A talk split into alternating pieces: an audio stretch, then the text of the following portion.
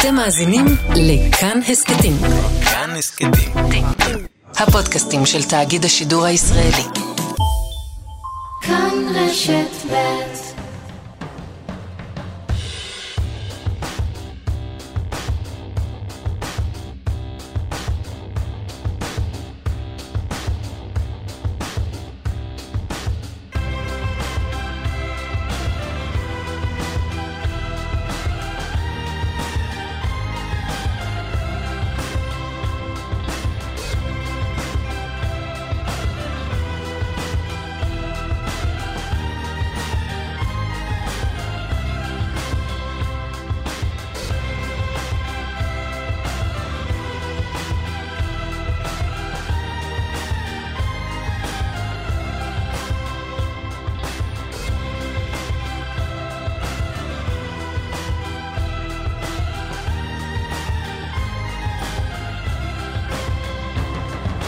שלום רב, בוקר טוב, שבוע טוב. שלום, שלום, מה אני קצת המצב? מצונן, אז איתך ועם המאזינים סליחה. בסדר. אבל ביקשת שאני אבוא, גם אם אני מצונן, אז באתי. אני לא ביקשתי, אבל בסדר. בוא, בוא, אני אזרום עם השקר הזה. אני ביקשתי? סבבה. אמרת, אני בא. מחר אני לא באתי, ראה, נראה מה תגיד. אמרת, אני בא. אמרתי, בסדר. תבוא, נתמודד. אה, האם תיקח אחריות ותתפטר כאן? אה, אחד, כן. שתיים, על מה עכשיו? מדליה שנייה שאנחנו מקבלים, שתיים מתוך שתיים, כשאתה לא צופה. האם, אה, בואנה, זה... זה תר- האם, זה, האם זה אומר עליך משהו? אנחנו כותבים מדליות בשבתות, כשאתם לא יכולים לשבת ליד הטלוויזיה ולנכס אותנו. זה פשוט לא יאומן מה שאתה עושה עכשיו. בבקשה. זה לא יאומן. בשבוע שעבר, קבל עם ומאזינים, הודעת, שלא לומר בישרת, שלא לומר ניבאת, שהג'ודו לא יביא מדליה. יש לנו את זה, דרוקמן. כיוון שאני, כיוון שאני רואה, כיוון שהמחשב לפניי, ואני רואה שלא מכוון האינסרט הזה, אז דרוקמן אז זה... אני יכול להחיש. אז דרוקמן, בוא... בוא נעבוד כדי למצוא את הקטע הזה. לא היה ולא נברא. לא היה ולא נברא. לא דובים ולא זבובים. היה, נברא עם דובים ועם זבובים. אבל מה הקשר? כלומר, עשיתי פה ספין, ספין מעניין. לא, אתה עשית ספין. למה? אתה אמרת שלא תהיה מדליה, יש מדליה. אני אמרתי שתהיה מדליה, לא התעסקתי עם ימים. לא אכפת לי שיהיה מצידי ביום השמיני בשבוע. כן. אמרתי, תהיה מדליה תהיה בג'ודו. מדליה בג'ודו. כן. אתה יכול למצוא את האינסטרט שבו קלמן אומר, תהיה מדליה בג'ודו. בוא נתחיל עם האינסרט של אסף אומר שלא תהיה מדליה בג'ודו. אבל למה לא תמצא את הקטע שבו קלמן אומר, תהיה מדליה בג'ודו? כי אין. אבל אני, אני רוצה רק להבין רגע משהו. כן. אני אומר לא תהיה מדליה בג'ודו, אתה הולך, ממציא מקצה חדש. פעם ראשונה בג'ודו, בתולדות הג'ודו באולימפיאדה, יש דבר שנקרא, מה זה? אה, קבוצתי, מעורב. מאיפה הבאת את זה? אני, כשאמרתי לא תהיה מדליה בג'ודו, אם לא אמרתי. אם אמרתי. וזה שאני אומר אה, אם, זה לא אומר שהיה. נניח, אם אמרתי, לא ידעתי שיש בכלל מקצה כזה. חשבתי כל אחד עולה, מתחרה והולך הביתה, עם מדליה או בלי. כן, אי ידיעת המקצה אינה פותרת. ואפרופו אי ידיעה, אה, כרגע נבחרת האמריקאים של ישראל מובילה 6-4 על מקסיקו. על הנבחרת המקסיקנית על של הנבחרת מקסיקו. המקסיק- הם נראים מקסיקנים. נכון, הם שלהם זה זה. ב- בבייסבול. שזה... אצלנו יש חבר'ה נהדרים, שמות נהדרים כמו מיץ' גלאזר. שם זה יפה, ברור שהוא משלנו. שאומר הכל. כן. גם מיץ' הייתי וגם נותן לו גלאזר. עלייה לתורה עם השם הזה, ברור. כן. אה, אני חייב להודות שאת הספורט הזה אני לא מבין. לא מבין את הספורט הזה. את הבייסבול. ביום אה, חמישי, רביעי, לא זוכר. כש... מתי היה קוריאה, אתה מתכוון? או קוריאה או ארצות הברית. אני חושב שחמישי. אה, חמישי, חמישי. הטרחתי את עצמי, וישבתי מול המסך. ו... תודה רבה קודם כל. המשלחת האולימפית שלנו מוקירה לך תודה, ועוד רגע נציג בכיר שלה יעלה על הקו כדי לברך אותך. תודה לך. אה, אני כבר מודיע למשלחת, אחרי ש... זמן כלשהו נטשתי את הספה, כי הבנתי שני דברים. אחד, שאני לא אבין כנראה מה הולך שם. תראה, גם ב... נגיד, אני זוכר את הטקוונדו שראינו שבוע קודם. להגיד לך שאני יודע בדיוק מה עושים שם? לא, אבל אני מבין מה צריך לקרות כדי שאנחנו ננצח. בבייסבול אני לא מבין גם את זה. תראה, אני... קורים שם דברים ואני לא יודע אם לטובתנו אני- או נגדנו. אז אני ישבתי מול, ה... מול הטלוויזיה על הספה ב- במשחק שנמשך לדעתי 36 שעות זו הסיבה השנייה שבגללה נטשתי. הבנתי שזה לא ייגמר. מול קוריאה. הבנתי את החוקים בשלב מסוים, אבל זה לא זז. כלומר, כמ... מספר הפעמים שבהם קורה משהו, רוב הזמן הם זורקים את הכדור, חבט, לא חבט, רוב הזמן לא חבט, ואז השאלה היא האם הוא לא חבט בדין, האם הזורק זרק למקום שהוא היה אמור לזרוק, או שהוא זז ימינה או שמאלה. זה רוב, רוב האירוע.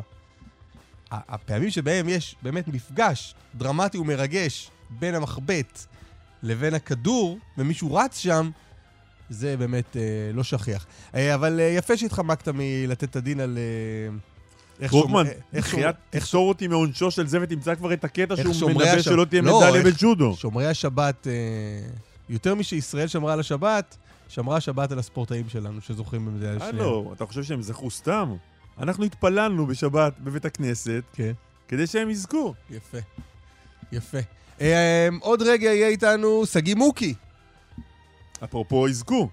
כן, מגיבורי הזכייה אה, במדליית הארד שלנו, אה, אתמול, במשחק ה... בהתמודדות הקבוצתית, מול אה, רוסיה. זה לא רוסיה, זו הנבחרת האולימפית. זה רוסיה שאסור להגיד שהיא רוסיה. כן. הנבחרת האולימפית שיש כנראה קשר אתני בינה לבין הרוסים. אז עוד מעט שגיא מוקי. נדבר גם עם השרה, שרת העלייה והקליטה, פנינה תמנו שטה. זה נושא אחר. זה על התקציב, כן, כן. נכון?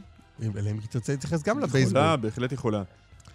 אה, היא מודיעה שתצביע נגד התקציב. נדבר איתה על זה.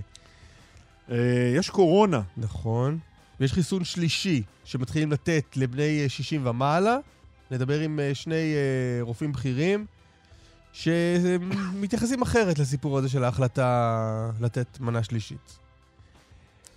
עוד שני עניינים מעניינים, גם החום הכבד שיש בחוץ, והוא רק הולך ונהיה חם יותר במהלך השבוע הזה, שרון וקסלר תהיה איתנו, וגם על האיש שטבע את השכנה שלו בגלל שהיא ישנה במרפסת טבע וניצח. וזכה.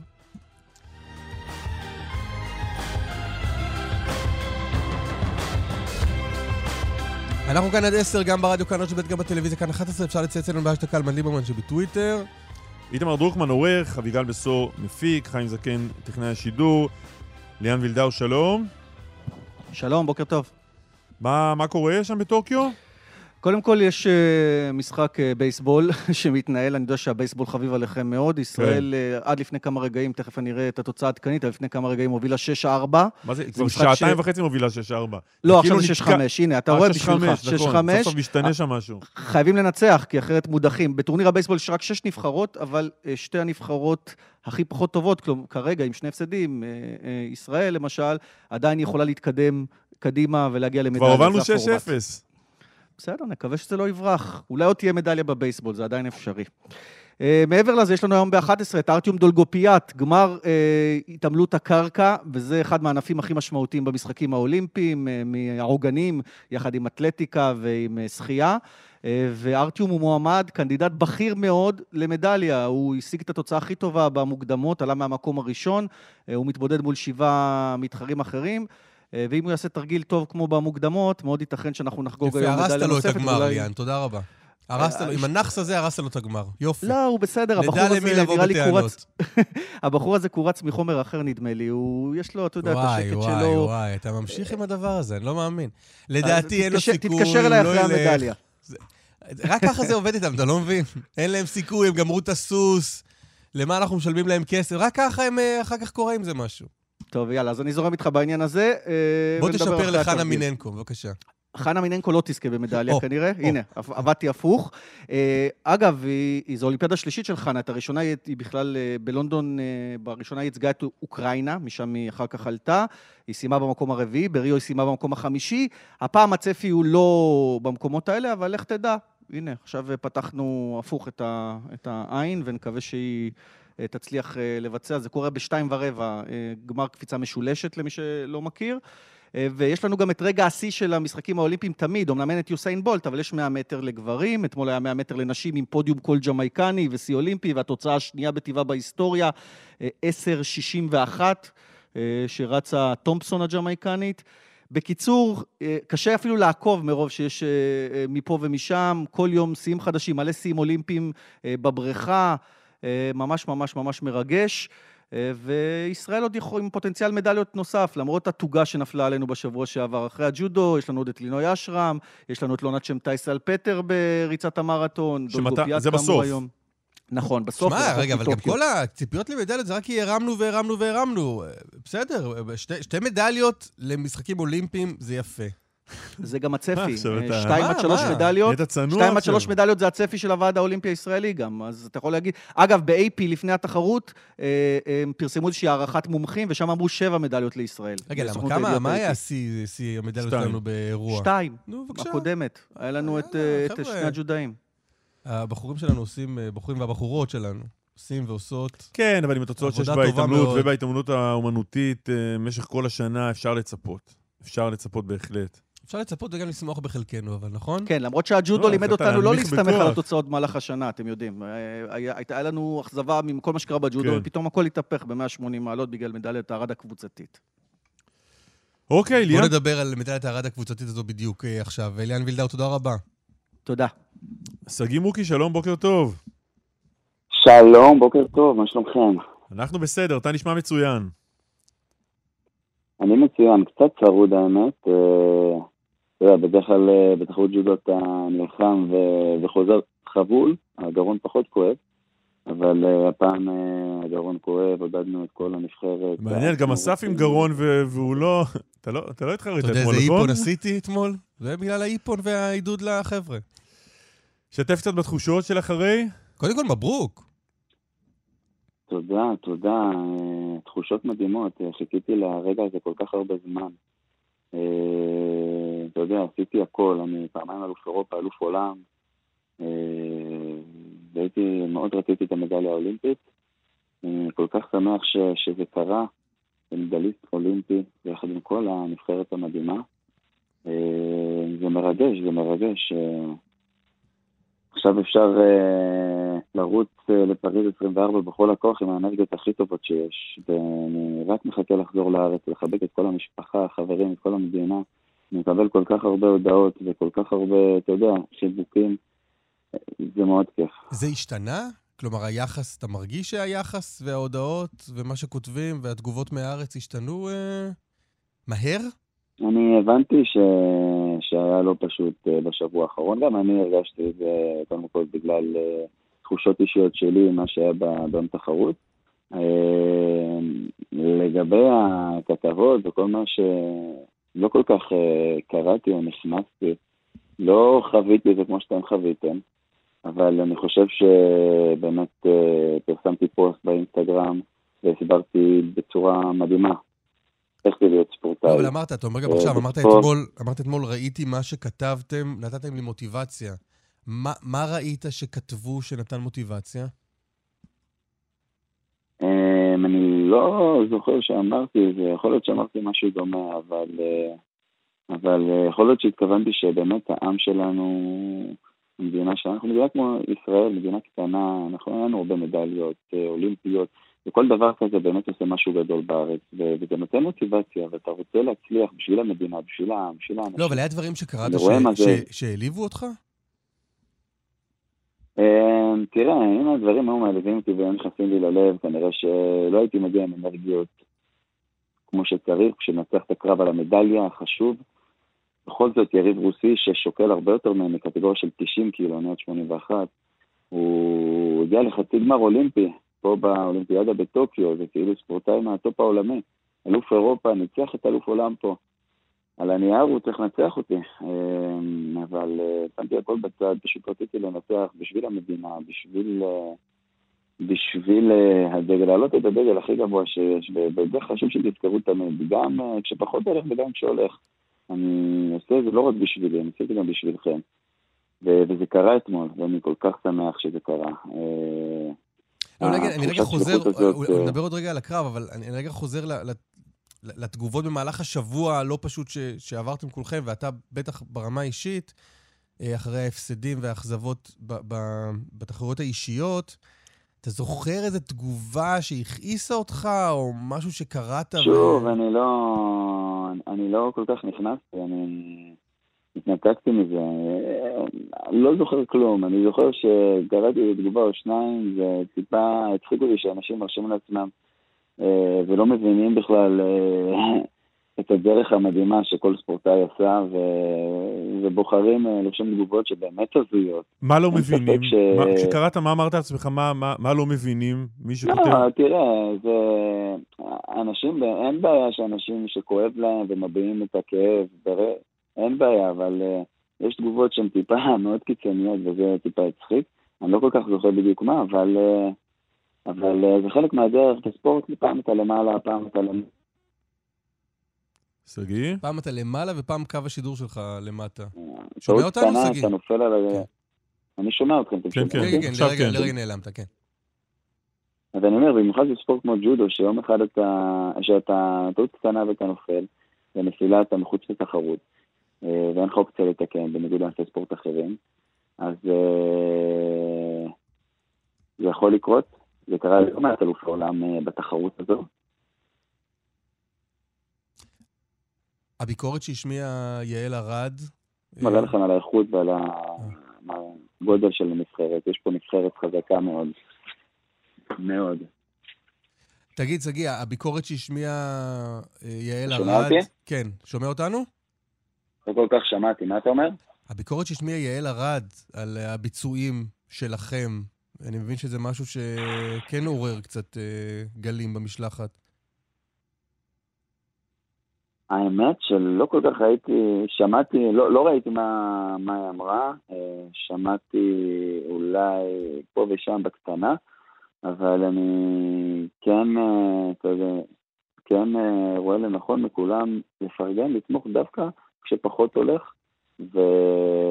ועכשיו שהצלחנו, לדעת אה, להיות איתנו ברגעים הטובים והטובים פחות. אבל כשיעל ארד אומרת לגלי צה"ל ביום שישי בבוקר, אה, רואים תחרות שבה הם היו יחסית פסיביים, לא ראינו וירטואוזיות, מותר להפסיד אבל רק כשיודעים שעשית כל מה שיש, ופה לא ראינו את זה אצל חלק גדול מהג'ודאים.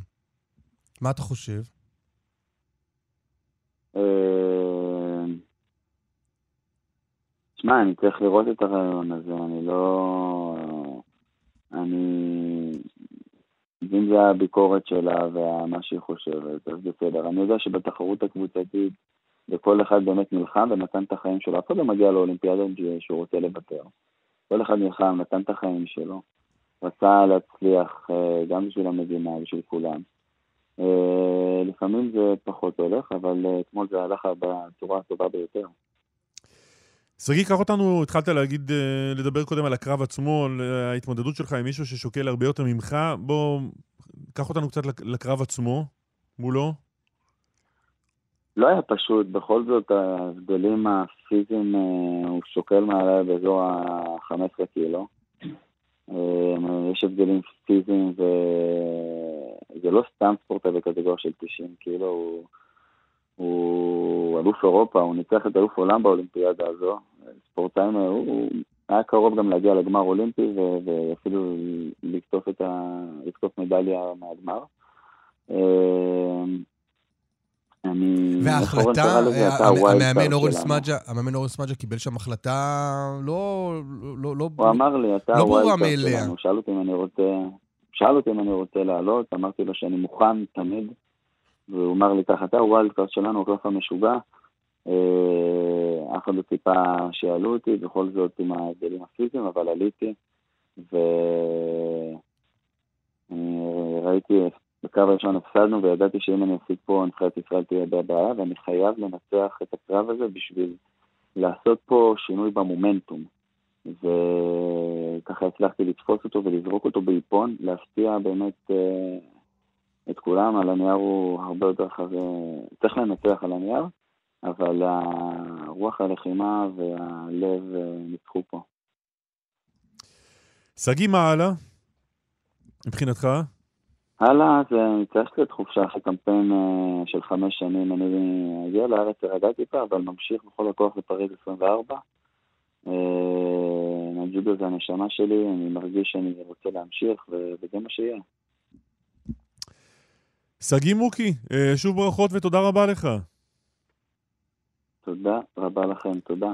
להתראות. ביי ביי. עדיין 6-5 בבייסבול, לטובתנו. אנחנו uh, מוציאים את uh, אחת הצופות, שבטח יושבת דרוכה מול הבייסבול, uh, לטובת ראיון איתנו, uh, השרה פנינה תמנו שטה, שלום. שלום וברכה, בוקר בוקר טוב. טוב. שרת העלייה והקליטה, כחול לבן, תודה רבה שאת מתפנה עבורנו מהצפייה. בבייסבול. תובנות שלך עד כה מהמשחק? אה, האמת היא שאתה נתת לי קרדיט שלא שייך לי. לא אני משנה, הפוליטיקאי קחי את זה אבל ותיסעי הלאה, נו. כנות היא די מצרך בסיסי. ומיותר. כן, חבל, כן. ניסינו. מה שלומך? בסדר גמור, מה שלומכם אתם? אבל האולימפיאדה בכל זאת מעניינת אותך באיזושהי צורה? כלומר, משהו, ש... איזשהו ענף שכן את... אה, נבחרת ישראל והאצנים. אני זוכרת את עצמי מאז ילדותי, אני מאוד מאוד אה, אהבתי לצפות אה, בג'מייקני ובנבחרת של ארה"ב בכל מה שקשור לאתלטיקה, ותמיד תמיד בלב, קודם כל, זה נבחרת ישראל. גם היה כיף לראות את המדליות שקיבלו נבחרת הג'ודו שלנו. אה, בהחלט. דווקא זה קשור לתפקיד שלה, אסף. הנבחרת בייסבול שלנו, יש שם איזה 20 יהודים אמריקאים שהם פוטנציאל להעלות אותם לארץ. כלומר, דרכון כבר עשינו להם, אבל אם גם יבואו לפה, זה ממש... אה, אז כבר, אם כבר אה, אה, אה, הכנסת את הדבר הזה של ההקשר של עלייה וספורט, רק שתדעו ש-30% מנבחרת ישראל זה חבר'ה שנולדו בחו"ל ועשו עלייה לישראל. אז אנחנו גאים בהם מאוד מאוד, וגם כן, אבל רגע, צריך להגיד פה, כן. אלה יש, יש, 90, יש 90 חברים במשלחת, 24, 30. 24 מהם בנבחרת הבייסבול, ככה שלא נשאר עוד שנדמה לי יותר ש-20 מדי עולים. מתוך 30 ה-24... אחוז, 30 אחוז מהבדיקה האחרונה שעשיתי השבוע, 30 אחוז מנבחרת ישראל, הם בעצם אה, אה, חבר'ה שנולדו בחו"ל. לא, עד פה זה. נכון. שזה 20 שחקני בייסבול ועוד עשרה. כן. ש, לא, שזה לא, בסדר. יש לנו גם לדעתי באתלטיקה, ויש לנו ב, בדרך כלל בהתעמלות אומנותית, כן. אה, התעמלות קרקע. אה, אנחנו גם אה, שומעים הרי את, ה, את הסיפורי החיים שלהם, ואנחנו מאוד גאים בהם, וגם המשרד אה, נותן סבסוד ותמיכה לשבעה ספורטאים. יפה. אה, ישיבת ממשלה היום. ישיבת ממשלה חשובה, ואחרי שלוש שנים שלא היה כאן תקציב, אני חושבת שזה גם אפילו ישיבה חגיגית, עם כל הקולות מסביב, עם כל uh, הקשיים והמשאים ומתנים, בסופו של דבר מדינת ישראל צריכה תקציב מדינה. ישיבה חגיגית שלכבודה סוף סוף את יכולה לבוא ולהצביע נגד התקציב. אני מאמינה שבס... אני לא יודעת אם אתם uh, יודעים, אבל היו התפתחויות uh, ביומיים האחרונים. אנחנו קוראים את הציוצים לומר- שלך. בציוץ האחרון נכון. שלך היית נגד התקציב. בהחלט. אה, אני אה, יצאתי לשליחות ציבורית. ככה התגלגלתי לפוליטיקה, ואני שרה בממשלת ישראל. ואני לעולם לא אזניח את הדברים שלשמם אני נאבקת, ואיתם יצאתי לדרך. ואני חושבת כשפקידי אוצר מגיעים אה, ללשכתי, בכירים ומכובדים אגב, אה, ובסופו של דבר לא מבינים שאני דנה איתם בדיני נפשות, כשמדובר בעליות מיוחדות. רגע, רגע, אה, פנינה, בואי תעשי לנו סדר שנייה. מה- מה- מה את רוצה? מה הצבת בפני הממשלה או האוצר, או... על מה אנחנו מדברים? תראה, אני אומרת לכם באחריות אה, מלאה, שאחת הסוגיות הלאומיות הכאובות, האנושיות והקשות, זה הסיפור של הממתינים מאתיופיה. גם כתוצאה מהזנחה אה, ממשלתית, וגם כתוצאה מחוסר כנות ו- ורשלנות פושעת, הייתי אומרת, בהתנהלות סביב הסיפור הזה. ואני לא מתכוונת שבמשמרת שלי הסוגיה הזאת תישאר יתומה. ואני רק רוצה להזכיר לכם. לא, אבל יש בואי, פה- בואי, לפני הכל, לפני עמדותייך, בואי שוב אל הפרטים.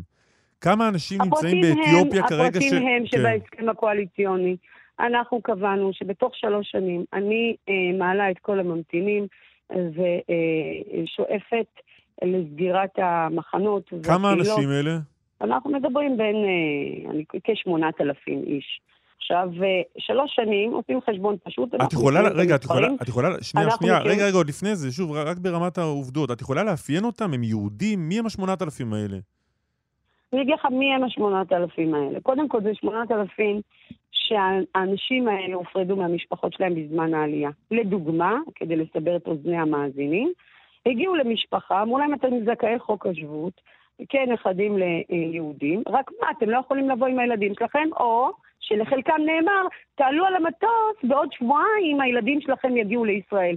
זה לא יהודי, לא עושים מעשה כזה. לא, המעשה לא יהודי, את אומרת, אבל הם יהודים? הם זכאי עלייה על פי חוק השבות שהם היו צריכים להגיע עם הילדים, ופיצלו אותם מהילדים.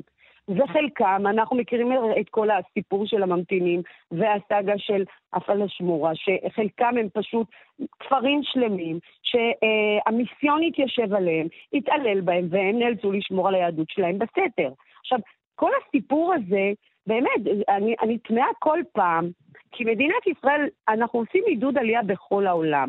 אנחנו מעלים בממוצע כ-25 אלף יהודים מדי שנה. על המספרים הקטנים האלה ממשיכים להתעמר בקהילה הזאת. תגידי, אבל רגע, השרה, אנחנו מדברים... וזה- הנ- רק שנייה, המחלוקת... לא, רק המחלוקת תיתן לי להשלים, רק תיתן לי להשלים. אני רק רוצה לומר לכם שגם האנשים שעליהם אני מדברת, נלקחה החלטה בשנת 2015 להעלות את כל הדרגה הראשונה, המחלוקת כרגע על עלייתם, זה בנוגע לשאלת יהדותם, או בנוגע לא, ממש לשאלה לא. כספית? שאלה כספית בלבד, כי ב-2015 נלקחה החלטה 716 כלומר, את אומרת, מדינת ישראל לא מעלה כרגע יהודים, שהוחלט שהם יהודים זכאי עלייה על פי חוק השבות, בגלל מחסור לא, לא, תקציבי? זה לא זכאי, לא, זה לא זכאי עלייה לפי חוק השבות. את זה אני לא אמרתי. אני שוב אומרת, זה אנשים אני די משוכנע שזה מה ששמעתי, אבל אוקיי. לא, לא, לא. אמרתי שההורים שלהם הגיעו.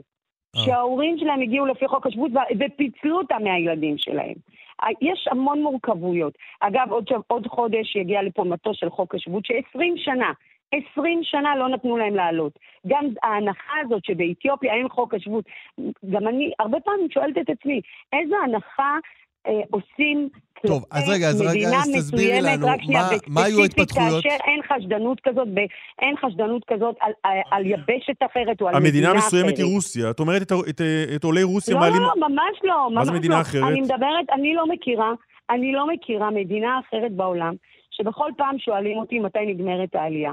בכל מדינה אחרת בעולם לא, אבל אמרת שעולים הרבה מאוד. הרבה מאוד אנשים ממקומות אחרים בלי שעושים להם את כל הבדיקות בכל האלה. העולם, את מתכוון- בכל העולם, לא, מה זה מכל העולם? זה עולים מפרגוואי? מאיפה עולים לפה? אני אומרת לך שמלכתחילה, אם אנחנו הולכים עשורים אחורה, הייתה חשדנות כלפי יהודי אתיופיה. לא רצו את העלייה הזאת, וקשה לי לומר אבל את את זה. חושבת שחשדנות זו כזו לא. מופעלת כלפי עולי חבר העמים, כלפי לדוגמה? אף אחד, כלפי אף אחד, מבלי לציין מדינה כזאת או אחרת, כלפי אף אחד. למה? אבל תסבירי את זה. גם אם נתכנס... למה לדעתך, אבל... צריך לשאול, צריך לשאול את הממסד, צריך לשאול את הממסד הרבני, צריך לשאול את החברה הישראלית, צריך לשאול כל מי שעוסק בנושא הזה. ואני, כשרה הראשונה, בת הקהילה האתיופית, אני אומרת לך, אצלי במשמרת זה לא יקרה. ובטח כשנלקחה החלטה ב-2015 להביא את שארית יהודי אתיופיה, דרגה ראשונה, שההורים שלהם פה, או האחים שלהם פה, אצלי זה, זה, אין מצב שזה אה, ייעצר רק בגלל עניין ושיקול תקציבי. זה דיני נפשות, ומה גם שתזכרו שבאתיופיה כרגע המצב הגיאופוליטי הוא כל כך קשה. אנחנו והסוכנות היהודית מחלקים שם מזון להחזיק אוקיי. את האנשים הללו. השרה אה, פנינה תמנו שגה, תסבירי לנו רגע מה מה ההתפתחויות של היומיים האחרונים. מה התוכנית? אה, התפתחויות. אז אני חושבת שכמובן ששר האוצר אה, קרא לבכירים של משרדו ואמר להם שהוא רואה עין בעין יחד איתי את נושא העלייה וביקש מהם להגיע איתי לפתרון. אה, לאחר שיח שהיה לי עם אה, השר עודד פורר, שגם הוא חתום על ההסכם הקואליציוני, אנחנו הגענו לסוג של פשרה שעד סוף השנה הזאת אנחנו נביא כאלף ממתינים, שנה הבאה כשלושת אלפים, ואת היתר אני מתכוונת להביא בשנת אה, 20, אה, 22, 23, 24. ופה צריך לסיים עם הסאגה. אני חושבת שאני נתתי את הגרייס הכי ארוך והכי, אה, אה, אני אומר, למרות שזה באמת בקושי רב, אני לא יכולה לומר לכם אה, שאני עושה את זה בשמחה. הייתי רוצה להביא את כולם כבר בשנה הנוכחית, אבל אני יכולה להבין את השיקולים או את הבעיות התקציביות, והם יצטרכו לעמוד בקצב של הפשרה שאני הגעתי. אז את הולכת להצביע בעד. התקציב. שמה זה? את הולכת להצביע בעד התקציב. בעזרת השם, כל עוד זה ייסגר היום. אני כרגע לא רואה שום מסמך חתום. אני מתכוונת היום להגיע לישיבת הממשלה. אבל בשאר הנושאים זה איתם. תקציב, בשאר הנושאים זה תקציב טוב בעינייך? התקציב לא, וחוק ההסדרים. לא. אני רוצה לומר לכם, תקציב המשרד שלי הוא כשני מיליארד שקלים. ואני ביקשתי תקציב תוספת לתוכנית לאומית לעלייה וקליטה, וכמובן גם עדכון הבסיס. עולים לפה, כמו שאמרתי, כ-25 אלף עולים מדי שנה. אני לא מתכוונת לראות שחיקה בתקציב, כאשר לא, ועלייה בעולים, כאשר לא נותנים לי כלים לקלוט את העולים החדשים מכל רחבי העולם. גם סביב הדבר הזה, עדיין אנחנו נמצאים במחלוקת. אני חושבת שאנחנו נתקדם. לגבי יתר המשרדים, אני משאירה להם, אני חושבת שלכל אחד יש מספיק עבודה. אה, בסך הכל, אה, כולנו משתדלים לא, אבל מצד אחד. את, את בטח מתעניינת ב- ב- במה... במהי ההצעה הכלכלית אה, לתקציב של מדינת ישראל? אה, כמו שאתם מכירים פוליטיקאים, כל אחד מאיתנו פוזל לתקציבים אחרים, לראות שלא קופחנו. תסמכו עליי, אני גם אה, מסתכלת מה קורה עם ההתקדמות של המשרדים האחרים, כאשר כולנו, כמובן... אה, את אומרת, אני מסתכלת על ההתקדמות של המשרדים האחרים רק כדי לראות שאף אחד לא קיבל יותר ממני. לא, בסוף, אתה יודע, בסופו של דבר, אנחנו כולנו נאלצים גם לראות את התמונה הכללית ואת האינטרסים של מדינת ישראל. וכמו שפתחתי את הרעיון ואמרתי, טוב שיש תקציב מדינה אחרי שלוש שנים שלא אישרנו תקציב מדינה, זה לא, דבר אבל זה חשוב משנה לך איזה וחיוני. תקציב זה? אם זה תקציב רע מאוד, עזבי רגע, אני שם בצד את אה, משרד העלייה והקליטה. נניח שזה תקציב רע מאוד, את אומרת, לא משנה, העיקר שיש תקציב, נצביע בעדו? לא, לא, לא. אני חושבת שכולנו מבינים שמדובר בממשלה חברתית מאוד, ממשלה שבאה לעבוד לא, אה, לא, זה למען לא- זה לא הציבור. משתקף בתקציב. מה, מה חברתי, מה חברתי חושבת- בתקציב, לדוגמה? אני חושבת שבסופו של דבר אני גם מעריכה מאוד את המאבק אה, של שר הבריאות. אנחנו יודעים באיזה מצב אה, נמצאת מערכת הבריאות. ואני חושבת שבסופו של דבר כולנו לא, מאבק לחוד ותקציב של לחוד. שאל קלמן, שאלה יפה סך הכל, מה. מה חברתי בתקציב?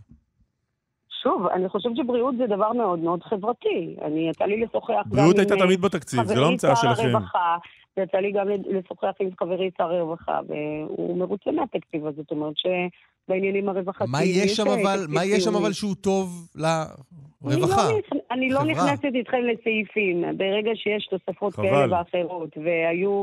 אה, זה לא חבל, יש כל כך הרבה סעיפים חברתיים, אבל אני שוב אומרת, בסופו של דבר זו ממשלה חברתית. אתם יכולים להיות סמוכים ובטוחים. לא, אבל מה עושה את הממשלה לחברתית? זה ביטוי שלך. את התחלת. קודם כל, מה שעושה תקציב ומה שעושה אה, אה, ממשלה, מה שמעיד על ממשלה זה קודם כל ההון האנושי שמקיף אותה. שזה חשוב, אבל מה עושה אותה בהחלט, לחברתית? בהחלט, אבל רגע, אבל בהחלט. כי בסופו של דבר, כאשר בא, מגיע שר ומקבל תוספת תקציבית לתוכניות חדשות, אז מן הסתם זה גם נגזרת של אותם אנשים בדיוק, השאלה האם. יש. ולכן- השאלה האם אבל- יש עוד תקציב לתוכניות חדשות. כרגע הגידול, הגידול אה, לתקציב האזרחי בישראל הוא אפס. הוא רק, אז, אה, הוא רק בהתאם לריבוי הטבעי. לא, לא נוסף, לא נוסף עוד שקל, לא נוסף עוד שקל אקח- אחד לתוכניות האלה שאת מדברת עליהן. אז אני לא מסכימה איתך, כי גם... אה, אה, זה לא- הביקורת זה לא עניין של הסכמה או לא, זה עניין של עובדות. בואי תציגי עובדות אחרות, אם יש לך. אה, אני אקח את ראש המפלגה שלי שנלחם על תקציב הביטחון, בתוך זה יש הרבה מאוד תוכניות חברתיות, כמו נפש אה, נפש נפש, שזה באמת אה, אה, למען נכי צה"ל, מיגוניות אה, בצפון וממדים ללימודים. דברים האלה הם דברים מאוד מאוד חברתיים ומשמעותיים. עכשיו, אני לא נכנסת איתכם לסעיפי תקציב בכל משרד, אבל אני יכולה להבטיח לכם שיש לי אמונה גדולה שבכל משרד, כמו שאני במשרד שלי, אה, לוקחת את התקציבים ומשקיעה בדברים שהם חיוניים, למשל, הקמת מוקד סיוע נפשי לעולים חדשים בחמש שפות, הרחבת לימודי השפה מזכאות של שנה וחצי לעשר שנים. כל הדברים האלה הם מאוד חברתיים, וזה נגזרת של מי השרים ומה המדיניות שלהם. והמדיניות של השרים שסביב שולחן הממשלה הנוכחית היא מאוד חברתית והיא תבוא לידי ביטוי מעבר למספרים. אבל כשאת את מסתכלת, אתה יודע, אנחנו מדברים בימים האחרונים על העלאות אה, מיסים, או על... אה, מיסים אסור להגיד, כי, כי אמרתם שלא תעלו מיסים. תקראי לזה איך שאת רוצה, אבל אה, על זה שהממשלה רוצה לגבות עכשיו יותר מאיתנו, מ- על כלים חד פעמיים, ועל משקאות ממותקים, ועל הליכה לרופא מומחה, ומס למי שייכנס לתל אביב, ומס על מי שצופה בנטפליקס ו- ודומה, וכל מיני דברים כאלה. את, את תומכת בכל ההעלאות האלה?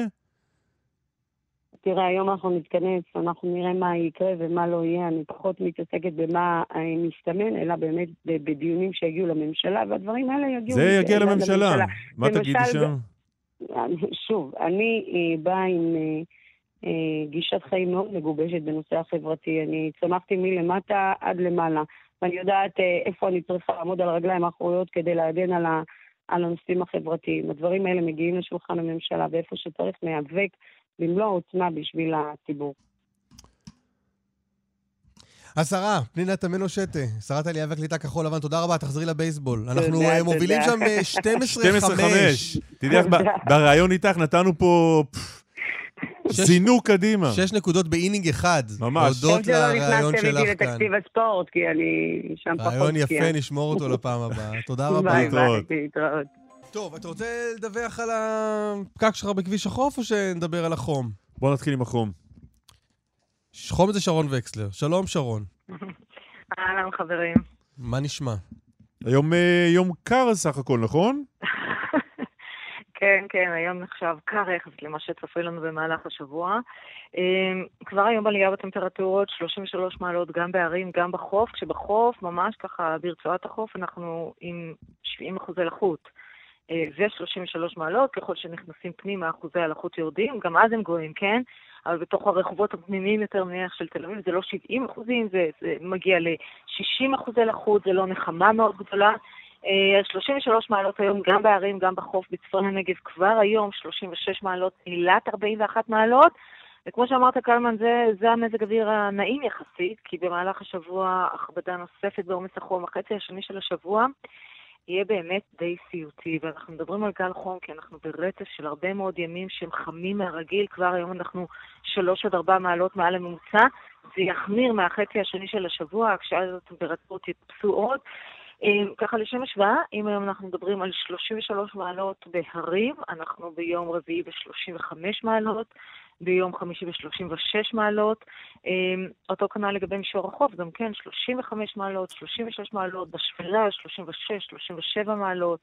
אה, בצפון הנגב למעלה מ-40 מעלות, כך שהרצף הזה של הימים עם טמפרטורות מאוד מאוד גבוהות, אה, זה ממש עומס חום כבד קיצוני שמורגש היטב שרון, בכל אזורי הארץ. אני יודע שזו השנה הראשונה שלך כחזאית, אבל בכל זאת אני מנסה...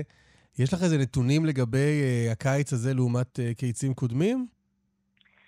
אה, בדרך כלל הנתונים מגיעים, אתה יודע, בסוף, כש, כשרואים עד כמה באמת היה חם ועד כמה זה קיצוני באופן יחסי לשנים אה, אחרות. אני יכולה לומר לך שהשירות המטאורולוגי כל הזמן בודק והוציא איזשהו דוח לפני אה, שנה לערך, והם רואים ש, שרואים באופן מובהק שהקיצים הולכים ונעשים חמים יותר. אם לא רואים מובהקות, למשל בחורף, אז בקיץ כן רואים מובהקות, וכן ברור שהקיצים הופכים להיות חמים יותר, לא רק בטמפרטורות המקסימום, אלא בעיקר בטמפרטורות המינימום, בעיקר בלילה, הלילות הופכים להיות מאוד מאוד חמים, והתחזית לשנים הקרובות של השירות המטאורולוגי, לפי המודל שלהם, זה שבאמת יעשה יותר חם, בעיקר בקיץ, יותר חם בעיקר בלילה, יותר חם בעיקר לאורך מישור החוף.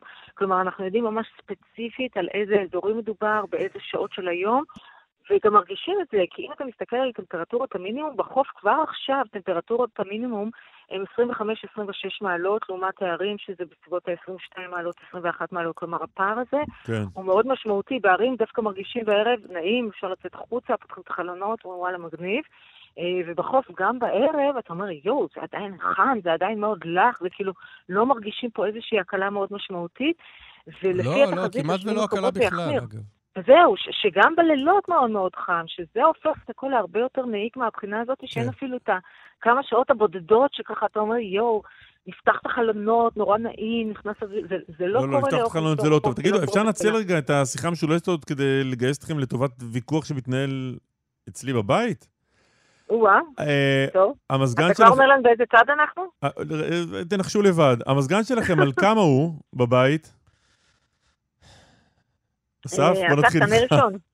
אה, 25 מעלות. 25. שרון? אה, כמו שאתם יודעים, אצלי מזגן זה דבר חדש, זה לא בכל הבית. אז אנחנו עדיין מנסים להבין איך מתפעלים את השלט.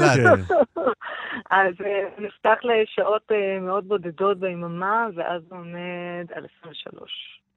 וואו. כי אצלנו זה היה באזור ה-25, ולפני שבועיים בשבת הייתה תחושה שחם קצת.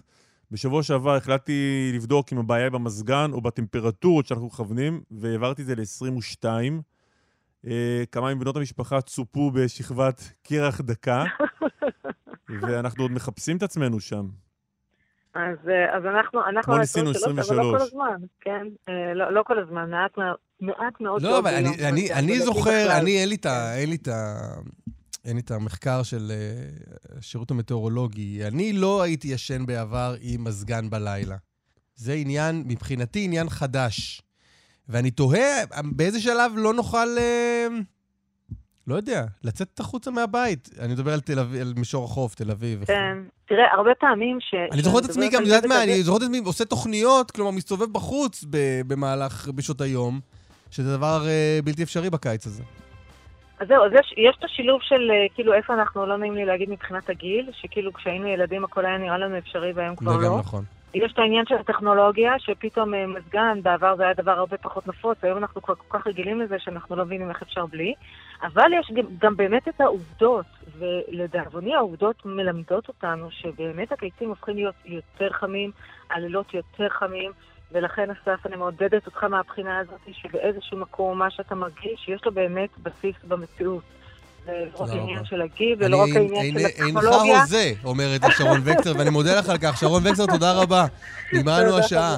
פרסומות, חדשות, ונשוב בכוחות מחודשים.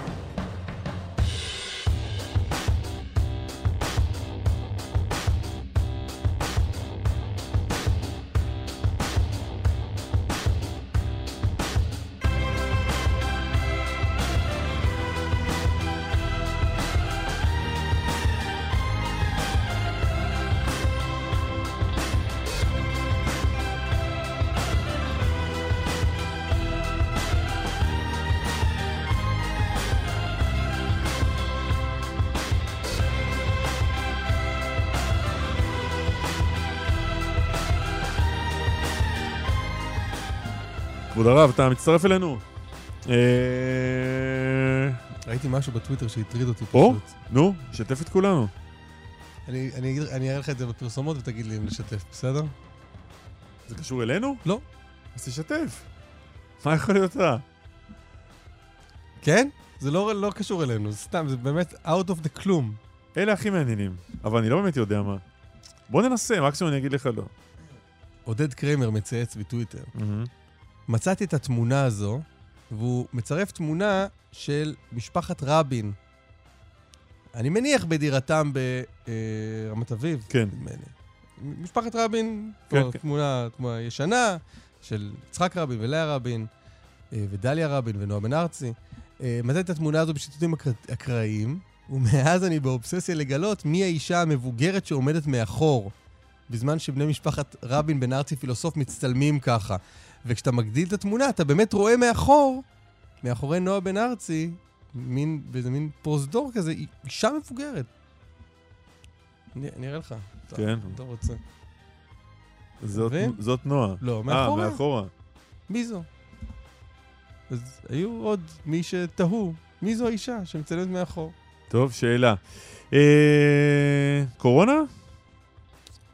זו לא קורונה, זו לא. אישה, אני אומר לך. דוקטור יסמין מאור, שלום. שלום. מנהלת היחידה למחלות זיהומיות בוולפסון, חברה בוועדת החיסונים, ונגיד כבר שלום גם לפרופסור דרור מבורך, מנהל מחלקה פנימית ב' בהדסה עין כרם, שלום לך. שלום, בוקר טוב. אה, דוקטור מאור, אה, את חברה בוועדת החיסונים, זאת אומרת, אה, גם האצבע שלך הכריעה בעד אה, חיסון שלי, שלישי? אה, כן, אני תמכתי ב- בחיסון. כי? אה, כי אני חושבת שבאמת אנחנו רואים עלייה בתחלואה. אה, לדעתי לא ממש ברור אם זה בגלל דעיכה או בגלל אה, התאמה פחות טובה של החיסון לווריאנט דלתא, או סביר להניח שני הדברים הללו ביחד. ואנחנו יודעים מהרבה מחלות אחרות שמתן בוסט יכול לשפר את התגובה החיסונית במצב כזה. והנזק שבמתן החיסון הזה, בפרט בפרט, משהו בפרט. רק הגענו לנזק. רק הגענו לנזק. פרופסור מבורך, אה, עד שאנחנו אה, מוצאים שוב את דוקטור מאור, אה, אתה טיפה יותר מסויג, נכון? תראה, אה, כן ולא. זאת אומרת, אני בהחלט אה, חושב שזו החלטה ראויה וזה בסדר גמור ללכת להתחסן כמו שהומלץ. רק ההסתייגות שלי הייתה שיש לנו, אנחנו צריכים להבין למה אנחנו עושים את זה ומה המשמעות שאנחנו עושים את זה. אה, למה אנחנו עושים את זה? אז אני הייתי מעדיף שזה יהיה גם עם המלצת FDA, וגם להבין למה אנחנו עושים את זה, כי אנחנו לא עושים את זה על מנת להוריד את גל ההתפרצות. זה באמת אין הוכחות שזה יוריד. אני חושב שהרציונל הכי חשוב במה שאנחנו עושים, זה בעצם להוריד אולי את תחלואת הקשים, שזה חשוב מאוד גם מבחינה אנושית, הקשים, גם חשוב... הקשים המבוגרים. הקשים המבוגרים, גם חשוב מבחינת, אה, אה, בוא נגיד, העומס העלול לקרות בבתי החולים, שזה רציונל בהחלט סביר.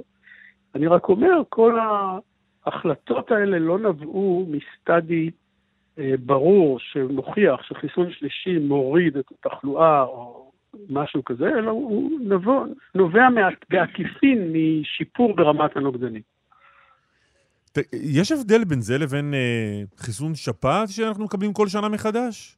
תראה, זה מאוד מעניין השאלה הזאת, כי בעצם אנחנו עוד לא יודעים מה התדירות שנצטרך לקבל את חיסון השפעת, אה, חיסון הקוביד. חיסון שפעת, אנחנו יודעים שזה חיסון שנתי, אה, יש חיסונים אחרים שהם אחת לכמה שנים, והקוביד אנחנו עוד לא יודעים, ואז אני קצת חושש שהחלטות חפוזות, בוא נגיד ככה, זה אחת ההסתייגויות שלי, קובעות מדיניות אה, בלי תשתית מספקת. למשל, מה יקרה עכשיו? האם כל חצי שנה אני רוצה לתת... אה, ונניח שכן? ונניח שכן, כמה- למה זה נורא? תראה, יש לזה השלכות, בוא נגיד, כלכליות אה, גדולות, יש לזה השלכות אה, אה, של, אה, אתה יודע, אנחנו כבר סך הכל חושבים שהזריקה הזאת היא די בטוחה, אבל אנחנו לא יודעים אם חמש זריקות כאלה הן בטוחות. אז יש פה יותר זהירות, יש פה יותר זהירות. יש מדינות, אתה יודע, שגם בעולם, כלומר, אתה אומר, רגע, פרופסור מבורך, רק כן. כדי להבין, אתה כן, אתה אומר כן, כן. שמה שיכול להיות שמכמות מסוימת של חיסונים זה זה יתחיל להיות אה, לא בריא לגוף? אני לא יודע. אני, סך הכל, כשאני ראיתי בשניים וגם בשלושה חיסונים, אה, אני חיסנתי מספר אנשים כבר בשלושה חיסונים, אנשים עם חסר חיסוני, ראיתי שזה עבר בסדר גמור, אבל לא יצא ממש סטאדי ברור אה, שהראה את זה, ואני חושב שעל מנת להיות מסודר, כי אנחנו נותנים פה המלצות לציבור, אנחנו צריכים שתהיה לנו תשתית ראייתית טובה. יחד עם זאת, אני אומר לגמרי שההחלטה היא לגמרי בסדר, זה לא שההחלטה לא בסדר. אה, דוקטור מאור, לך יש אה, רציונל אה, יותר ברור בבואך אה, לאשר את המנה השלישית? תראה, אני אגיד דבר כזה. א', אני חושבת שגם במחלות אחרות אנחנו כבר היינו במצבים שנתנו בוסטרים בלי שנערך סטאדי מסודר בעניין. זו פרקטיקה די מקובלת בעולם החיסונים. עכשיו אנחנו נמצאים בתקופה לא שגרתית, וגם אני הייתי שמחה לקבל את ההחלטות אחרי שאני אראה מחקר מסודר, עם מעקב רב שנים, שאומר לנו בדיוק אה, איך הכי נכון לנהוג. הבעיה היא שאם אנחנו נמתין לכאלה מחקרים, אה, זה ייקח הרבה מאוד זמן, ובזמן הזה המחלה לא עוצרת. התחלואה תמשיך. אז יש פה, אני חושבת כרגע, אה, צורך לנהל את הדברים על פי הערכה של סיכונים בהתערבות, וצריך גם להבין שגם חוסר ההתערבות כרוכה בסיכון. וכדי לא להתחבר נעשה אבל להערה של פרופסור מבורך, לא- שלא נשלה את עצמנו, נכון? החיסון השלישי הזה לא הולך להוריד כאן את הגרף. בארץ וואי וואי. לא, לא, הקוביד- שיבש את. קו הטלפון שלך. בואי תנסי שוב לחזור על התשובה. אני אומרת שאנחנו לא חושבים שהחיסון השלישי ישנה את מפת התחלואה הכללית בארץ. יכול להיות שהוא יאפשר לנו אה, לאשפז פחות אנשים מבוגרים, ושהוא יגן על אנשים מבוגרים שהם כרגע בסיכון לתחלואה ותמותה. אה, אז זאת ההסתכלות. גם אין פה מחויבות להמשיך ולחסן כל חצי שנה, כל שנה. אנחנו עוקבים בקפדנות אחרי, אחרי הדברים. אנחנו נראה את ההשלכות, אנחנו נראה את uh, תופעות הלוואי, ובהתאם אנחנו נעדכן גם את המדיניות בהמשך. ואין פה התחייבות עכשיו כל חצי שנה ניתן חיסון. מצד שני, אם זה מה שימתן את התחלואה, אז אולי נעשה גם את זה. רגע, פרופסור מבורך, אתה רוצה להתייחס לזה? לא, אני לגמרי מסכים עם, אה, עם אה, יסמין, כי סך הכל, אה, תראה, אה, אנחנו במצב של אי-ודאות. אז ההחלטה היא תמיד מתי לפעול, ומה שלא תפעל תמיד יהיה לך ביקורת מכאן ומכאן, והיה אפשר ככה והיה אפשר ככה. אני אומר, אישית חשבתי שטוב לחכות ל-FDA, ולא שאי אפשר לעשות בלי ה-FDA, אבל אני גם חושב שהרציונל, בייחוד לנוכח העלייה בחולים קשים, שעלו כבר, עברו את ה-200, אז יש, אם רוצים לחסוך בחיי אדם ולהציל אנשים קשישים ולהוריד קצת את מספר החולים הקשים, אז יש רציונל לחיסון הזה. אבל צריך להבין, הוא לא אמור לשנות, ואני חושב שגם אה, פרופסור אש ציין את זה, הוא לא נכון. אמור לשנות את מספר המאומתים, ואני אגיד יותר מזה, אני מקווה שהוא לא יגרום בציבור לאיזה חוסר אמון בשני חיסונים. כי אני חושב ששני חיסונים זה דבר מאוד חשוב וטוב, וחשוב שהציבור יישאר באמון מלא בשני חיסונים. בוא, בוא, אבל בהמשך... אני- אני רגע, רוצה רגע, דוקטור לה- מור, שנייה, בהמשך להערה. הזו של פרופסור מבורך, אתם רואים משהו שעושה המדינה, או הממשלה, או משרד הבריאות, או מי שצריך, משהו שימנע את ההגעה לאלף חולים קשים, או, או, או עשרת אלפים נדבקים חדשים כל יום ב- בשבועות הקרובים? יסמין? תראה, א', אני חושבת שהדבר העיקרי שיכול למנוע הגעה למספרים גדולים הוא השלמת ההתחסנות של למעלה ממיליון אנשים שהם ברי חיסון שטרם התחסנו. ופה אני חושבת שצריך להשקיע את עיקר המאמצים. ראינו עד עכשיו שרק ההתחסנות למעשה הצליחה לשנות את פני הדברים. אבל בואי נניח שלא יהיה שינוי דרמטי בחודש הקרוב ממה שהיה עד היום. אה, אז לא, אני חושבת שלא צריך לקבל את זה ככה בהשלמה. לא, צריך לעשות מאמצים, אבל, אבל. אבל האם זה, האם זה אה, ברור לך שאנחנו בתוך חודש נמצאים פה באלף חולים קשה? מעבר לזה, אני חושבת שמחזירים את התחלואה, ויכול להיות שאם תהיה עלייה מאוד דרמטית בתחלואה, והעבודה הנוספת הזאת במספרים לא תצלח. את אה, עומדת במקום, במקום לא טוב, אנחנו, הקליטה שלך לא טובה, אנחנו בקושי מצליחים להבין אותך. ממש לא זזה. אני אומרת ש... עכשיו לא זזת לכיוון הנכון. אה, אם ההתערבות הזאת היא לא תצליח ולא תצליח להוריד את מספר המאושפזים הקשים, אז יכול להיות שצריך לנקוט באמצעים יותר קשים של ריחוק חברתי. אני מקווה שלא נגיע לזה, אבל יכול להיות שלא תהיה ברירה. פרופסור מבורך? כן, כן, תראה, סך הכל, הרי כולנו כבר יודעים מה עומד לרשותנו. עומד לרשותנו החמרת ההגבלות, נניח במקום 100 אנשים, 50 אנשים, אה, עם פטור מבני 12 ומטה, ללא פטור מבני 12 ומטה, והשלב הבא זה סגר. עכשיו, אני רוצה להזכיר משהו ששכחנו. הסגר בגל השלישי לא כל כך הנפיק תוצאות כמו שהיינו רוצים. כי לא כל כך הסתגרנו. יכול להיות, כן, אבל זה רק מעיד שסגר, גם סגר הוא לא פתרון קסם. ואני חושב שהממשלה הנוכחית הודיעה שהיא רוצה לנסות לחיות עם הקורונה, שאתה מבין, ברור שיהיה לזה מתנגדים מכאן ומתנגדים מכאן, אבל אני חושב שזה מאוד סביר לנסות, לפחות לנסות לחיות עם הקורונה, להגביל, וכמו שיסמין אמרה, מאוד לנסות לשדל אנשים להתחסן מהמיליון איש האלה. אני בטוח שיש כמה מאות אלפים שיכולים להתחסן, יותר לאמץ אכיפה, יותר נתב"ג, זה לא מספיק מה שקורה בנתב"ג, זה ישתפר, אבל זה לא מספיק, יותר אה, לשים לב למקומות תו ירוק, אולי להחמיר אותו, ובסופו, בסופו של דבר, יש את הסגר, שכאמור, אתה יודע, הוא יכול להתבצע יותר טוב או פחות טוב. אז המחשבה של חיים לצד הקורונה היא מחשבה מאוד נכונה, אבל צריך כל שלושה ארבעה ימים להעריך אותה מחדש. טוב, אני רגע,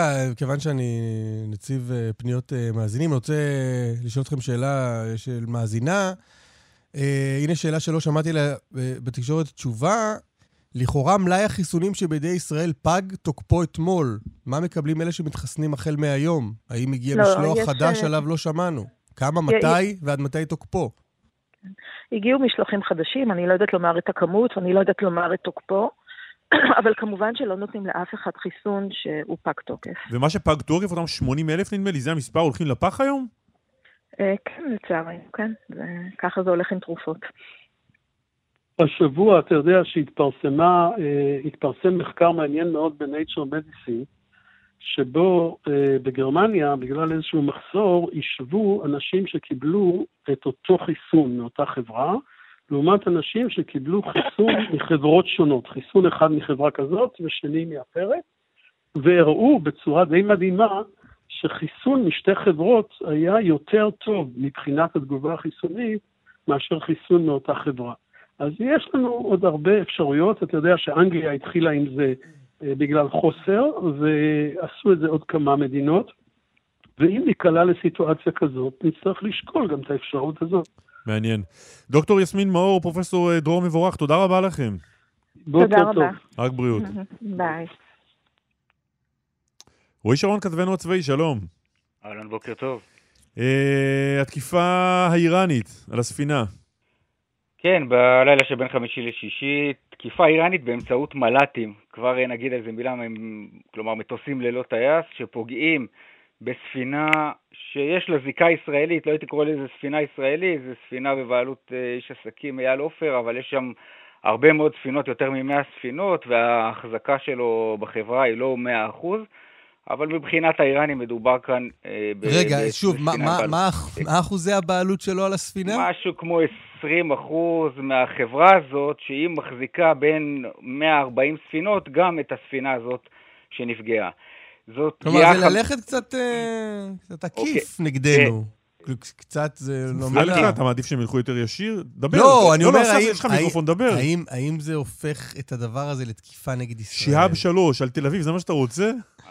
אז מבחינת, אסף צודק מהבחינה הזאת, מה? שהאיראנים פה, זה מעיד על מצוקה, האיראנים פה רוצים לפגוע בישראל, ביעד צבאי או ביעד של המדינה, או אפילו, אם הייתי אומר אפילו ביעד אזרחי נגיד, שזה פחות מקובל בתחום, בז'אנר הזה של הטרור, הם הולכים פה על יעד מאוד מעורפל, הם לא מצליחים לפגוע. לא, ב- קצת יותר מעורפל, אם הם ילכו קצת יותר מעורפל ועקיף, הם עוד יפגעו בנבחרת הבייסבול שלנו. לא, זה ממש מעורפל. ועקיף, כן, רחוק מדי. אפילו של הסוסים. אבל, אבל, אבל זו, זו פגיעה כבר פעם חמישית שהאיראנים תוקפים ספינה עם זיקה ישראלית. והשאלה היא, קודם כל השאלה הראשונה זה על רקע מה הגיעה התקיפה הזאת, כי יש לזה שלוש, שלוש אופציות.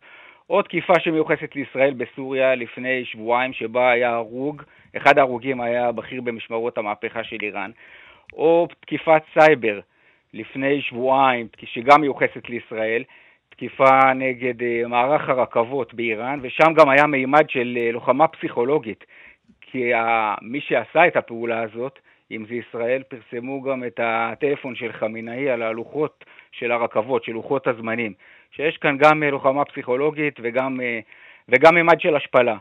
והאופציה השלישית זה התקיפות שמיוחסות לישראל נגד כלי שיט איראניים בשנתיים האחרונות, עשרות ספינות שהיו אמורות להגיע לחיזבאללה. ועכשיו צריך לשים לב גם למתווה הזה של, ה- של מל"טים, שזה פעם ראשונה שעד עכשיו הספינות שנפגעו לא היו בהן הרוגים. הפעם זו תקיפה שמלמדת על יכולות שמתקדמות שיש לאיראן.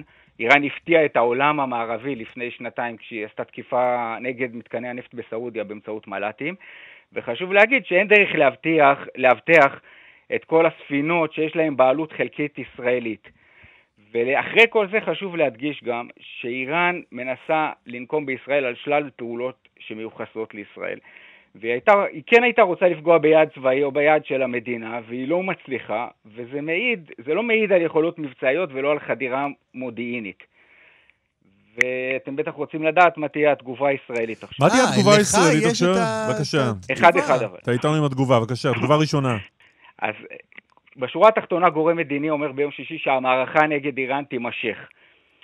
ועכשיו יש כאן, אנחנו נמצאים בתקופת מבחן מאוד חריפה לממשלת בנט, כי כל המזרח התיכון עכשיו מסתכל על ממשלת בנט, ממשלת החדשה, אחרי שבנט בעצמו אמר בעבר שעל פעולות של איראן צריך לפגוע באיראן ולא בשלוחותיה ו- ועוזריהם. ועכשיו הנה אנחנו רואים פעולה שמיוחסת לאיראן ויש בה שני הרוגים, שני הרוגים לא ישראלים, כן, בריטי ורומני, אבל, אבל שני, תקיפה נגד ספינה, שהרומנים יגיבו. האיראנים- כן, אה, כן, אנחנו נחכה לרומנים שיגיבו.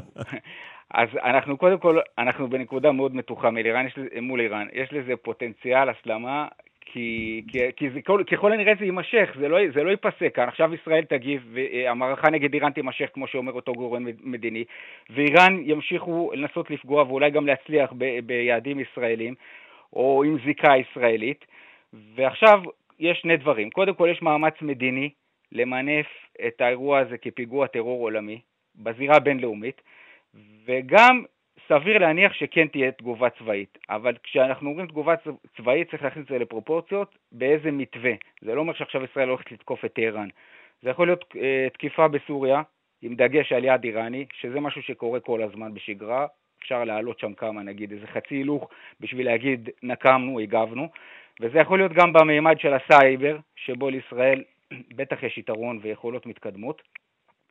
וראינו גם בשנה האחרונה, ראינו גם חיסולים באיראן, כמו שאתם זוכרים, חיסולים שמיוחסים לישראל. אבל תגיד רגע, אי אפשר להגיד, אה. אי אפשר גם להגיד משהו אחר? חברים, זה תגיד. 20 אחוז של משפחת עופר. בואו. כן, ת- אה, חשוב, על דבר כזה לא, הזה, על דבר כזה אפילו לא, כל כך לא מזיז לנו, שזה לא נכון. ראוי לתגובה. זה, לכאורה זה תאמין לא לי, מזיז, אבל... ל- להתעלם מהם זה זה הנקמה הכי חזקה.